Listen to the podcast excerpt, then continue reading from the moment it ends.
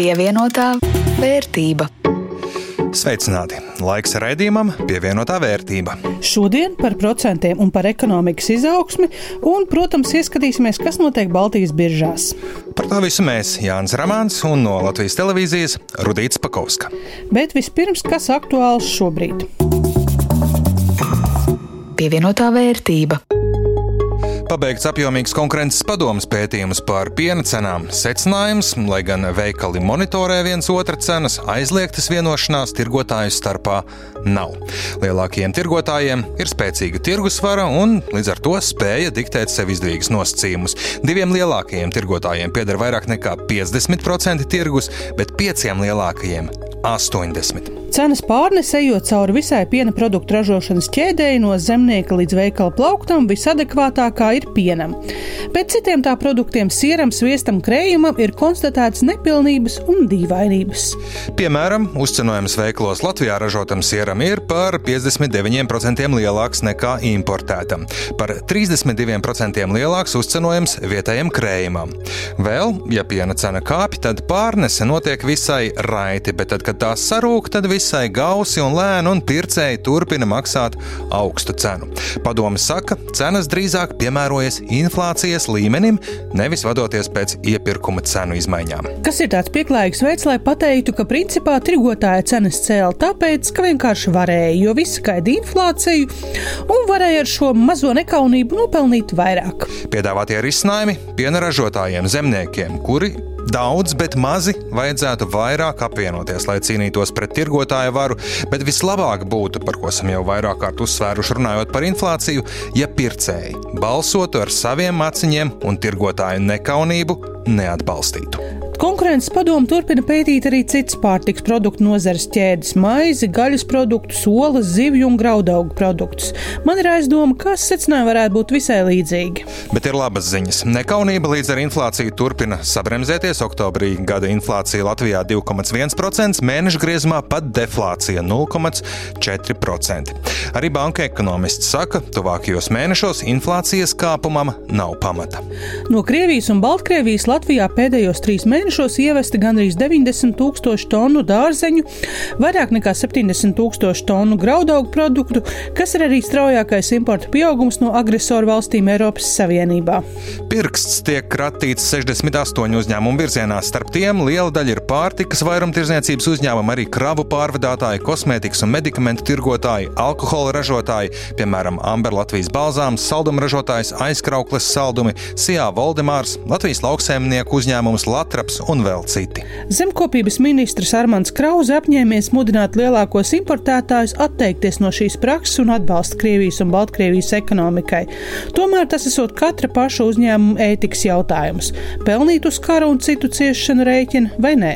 Un vēl mazliet baumas, bet, kā mēdz teikt, nav dūmu bez uguns. Banka Citadele apsver akciju sākotnējo publisko piedāvājumu Londonas vai Skandināvijas biržās, jo vietējā tirgu nav pietiekami daudz naudas. Tā vēst Lietuvā. Lietuvas lietušķo ziņu portāls VZLT, atsaucoties uz trim avotiem banku sektorā. Tas gan būtu pretrunā ar vēl nesen Citadelas valdes priekšsēdētāja Juhana Okerblūma paustajam, ka gadījumā, ja banka izšķirsies par labu akciju kotēšanai biržā, galvenais fokus būs Baltijas kapitāla tirgu un vietējie investori. Nu, no otras puses, neviens jau nav aizliedzis kotēt divās biržās paralēli, kā to dara energomilzas Ignitis grupa no Lietuvas, kur ir gan Viļņas, gan Londonas biržās. Mazliet lielāks izmaksas uzņēmumam, bet par to pretī pieeja daudz plašākam investoru lokam. Par bankām un kredītiem saima atbalstījusi otrajā lasīmā iecer noteikt bankām nodevu, no kuras hipotekāro kredītu ņēmējiem tiktu daļēji sekts procentu maksājuma pieaugums, bet daļa nonāktu budžetā. Bankas turpina cīnīties pretī peļņu nodevu kredītņēmēju atbalstam, jo būtu grūti administrējam, bet ir nu mazliet pieļāvīgāks pret lielāku peļņas nodokli, kā tas ir Lietuvā, un pēc tam tad, lai politiķi paši lemj, kam atbalstu, cik atbalstu un tā tālāk. Vēl jau trešais lasījums saimā, un tad redzēsim, kas tad beigās no tā visa būs sanācis, jo šis ir tas likums, kur brīžiem šķiet, viss mainās pa stundām un no lasījuma uz lasījumu visai būtiski. Bet kredītņēmējiem laikam nav ko gaidīt uz nezināmiem labumiem un atbalstiem. Lielā mērā šis ir loģisks laiks, kad ar kritisku aci apskatīt savu kredītu un budžetu un padomāt, ko vēl var mainīt. Un te piebildīšu, ka nevienmēr apskatīties uz iespējām kaut ko mainīt vajag tikai tad, kad teikt, ūdens jau smeļas mutē. Iespējams, kredītam var tikt pie izdevīgākiem un piemērotākiem nosacījumiem arī tad, ja nav problēmas samaksāt esošo. Tieši par kredītņēmēju attiecībām ar bankām runāja arī ar Ievu Teteru no SEB bankas. Viņu mājokļu kredītu portfels ir ap miljārdu eiro un kopā bankā ir ap 24 tūkstošiem aizņēmēju. Bankā atcēluši maksu par izmaiņām līgumos un aicinājuši klientus nākt un runāt par iespējamām izmaiņām.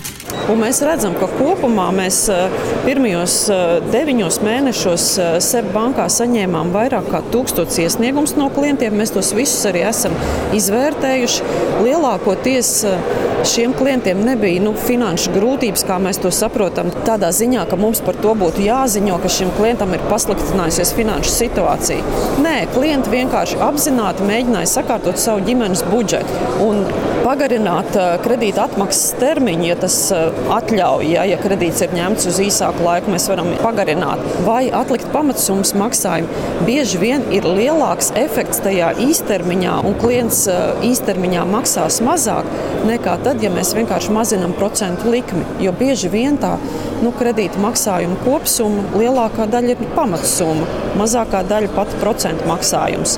Bet savukārt tur, kur kredīti ir ņemti nesen, jā, protams, pamatsummas maksājums ir mazāks un procentu maksājums ir būtisks, jo tas ir nesen ņemts kredīts, apjomīgs kredīts. Ja, mēs runājam par privātu mājām vai jauniem dzīvokļiem, mēs varam runāt par 100 tūkstošiem, 120 tūkstošiem. Nu, tad mēs, protams, pārskatām arī likmes, cenšamies iedot klientam nu, tik, cik mēs varam, nemazinot tā kredīta kvalitāti ja, un aizņēmēji arī kvalitāti. Un šis ir tas mirklis, kad jāpārvar tā sajūta, kā ar banku runāt par nosacījumu izmaiņām vai potenciālajām problēmām nav jēgas vai nu ir pat riskanti. Es ļoti piekrītu, ka tā mūsu vēsture no iepriekšējās krīzes joprojām mums liek baidīties. Sliktāk diez vai būs. Jāpaturprātā, ka arī bankām īsti nav izdevīgi, ja kredītņēmējs vairs nevar samaksāt. Ar klientu nesatiekoties ir ļoti grūti izvērtēt, ja, jo mēs droši vien redzam tos ienākumus, kas klientam bija kredītņemšanas brīdī. Iespējams, ka tie ienākumi ir mainījušies. Varbūt mēs redzam, ka klientam ir bijis viens bērns, tagad jau tie ir divi bērni. Ja. Nāciet un runājiet. Iespējams, ka kaut kur varbūt mēs nevarēsim sasniegt to gaidīto samazinājumu. Ja, ja ir gaidas, ka tas samazinājums būs uz pusi, ja, iespējams, ka tas nav labs risinājums. Bet no otras puses noteikti nevajag baidīties, jo bankai nekad nav mērķis vai vēlme, lai cilvēks nesamaksātu kredītu. Mūsu pamatbiznesa jau ir aizdot aizņēmumu un apkalpot atkal nākamo klientu ar jaunu aizņēmumu. Mūsu mērķis noteikti nav apsaimniekot nekustamos īpašumus vai doties uz tiesām, runāt par piedziņu pievienotā vērtība. Kā ekonomikai augt laikā, kad vien nepatīkam pārsteigumu nomaina nākamais - pandēmija, kāri konflikti, Latvijas Banka starptautiskā konferencē meklē recepti izaugsmai. Ātrā atbilde vienas receptes nav, bet vajadzētu. Diskusijā uzsver bijušais Zviedrijas finanšu ministrs Anders Borgs. Šobrīd procesā ir liels makroekonomisks šoks. Tirzniecības partneri ir recesijā vai tuvu tai, un fakts, ka ir būtiski pieaugušas izmaksas, tam būs liela ietekme. Darba spēka piedāvājums un rīcība, lai palielinātu produktivitāti, ir vienīgā iespēja atjaunot konkurētspēju. Ko darīt ar darba spēka pieejamību? Daudz runāts par gudru migrāciju, demogrāfiju, bet tur parasti viss beidzas ar politiķu vēlmu turēties tālāk no potenciāli nepatīkamiem lēmumiem. Skatīties uz tehnoloģijām. To piedāvā Mortens Hansens no Rīgas ekonomikas augstskolas. Country, Latvijas interesēs sarūkošā darba spēka dēļ, un darba spēks turpinās sarūkt arī nākotnē, ir darīt visu, ko var, lai veicinātu darba spēka taupīšanas risinājumus. Tas jau notiek, es to lietoju vietējā lielveikalā, kad mēģinu pats sevi apkalpot pie kases. Nu, vismaz mēģinu to izdarīt. Reizē man vajag palīdzību, bet risinājums tur ir. Ir arī bankās.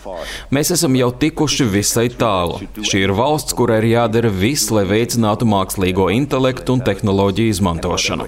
Jebkas, kas ir saistīts ar digitalizāciju, tam ir jābūt augstai prioritātei.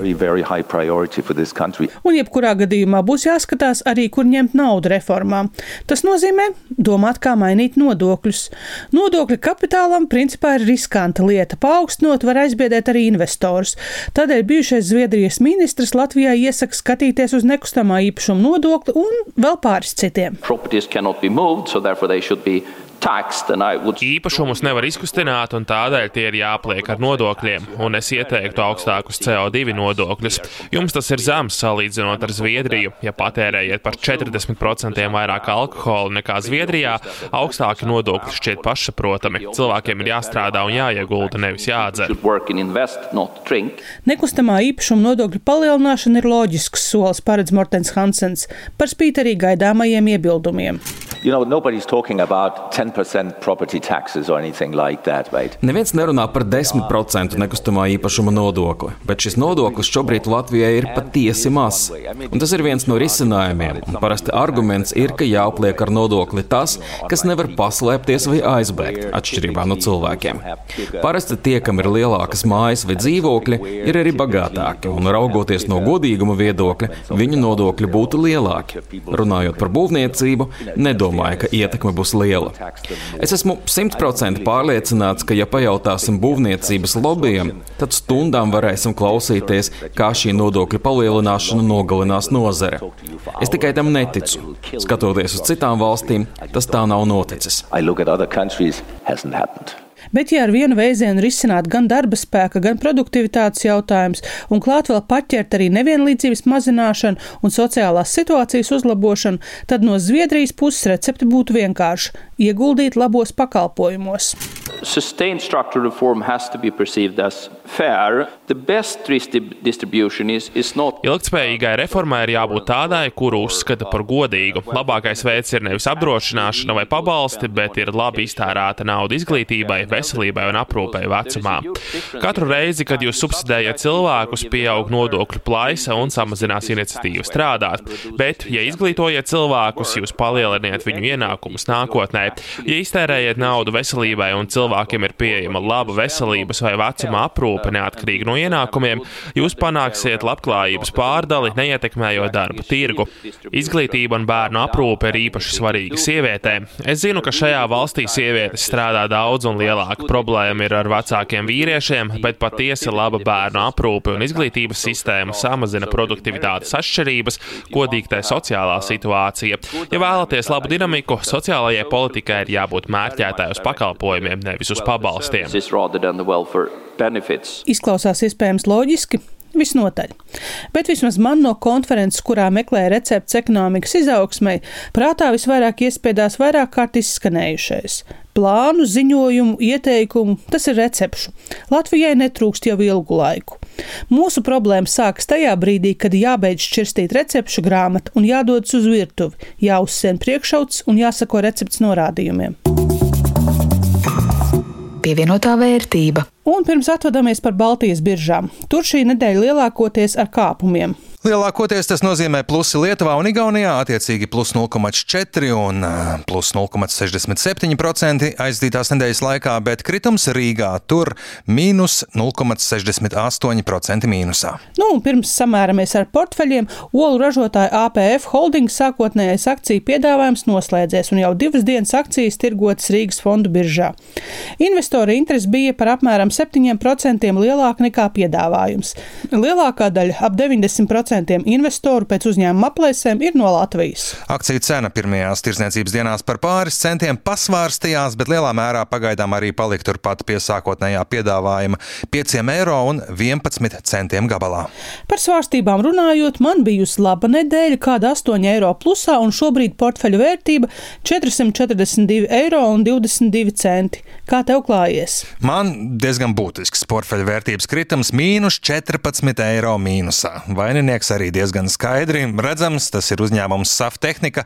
Tā jaunākie finanšu dati nepārāk patika investoriem. Uzņēmuma apgrozījuma kritums par 60% un zaudējumi 1,4 miljonu eiro apmērā pretstatā 2,5 miljoniem eiro peļņas pirms gada.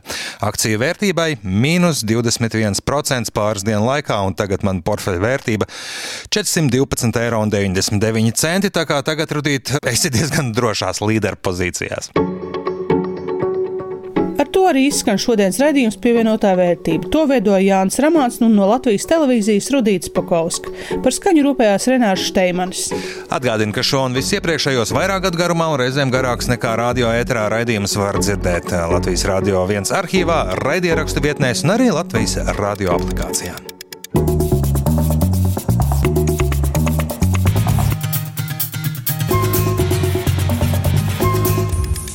Pievienotā vērtība.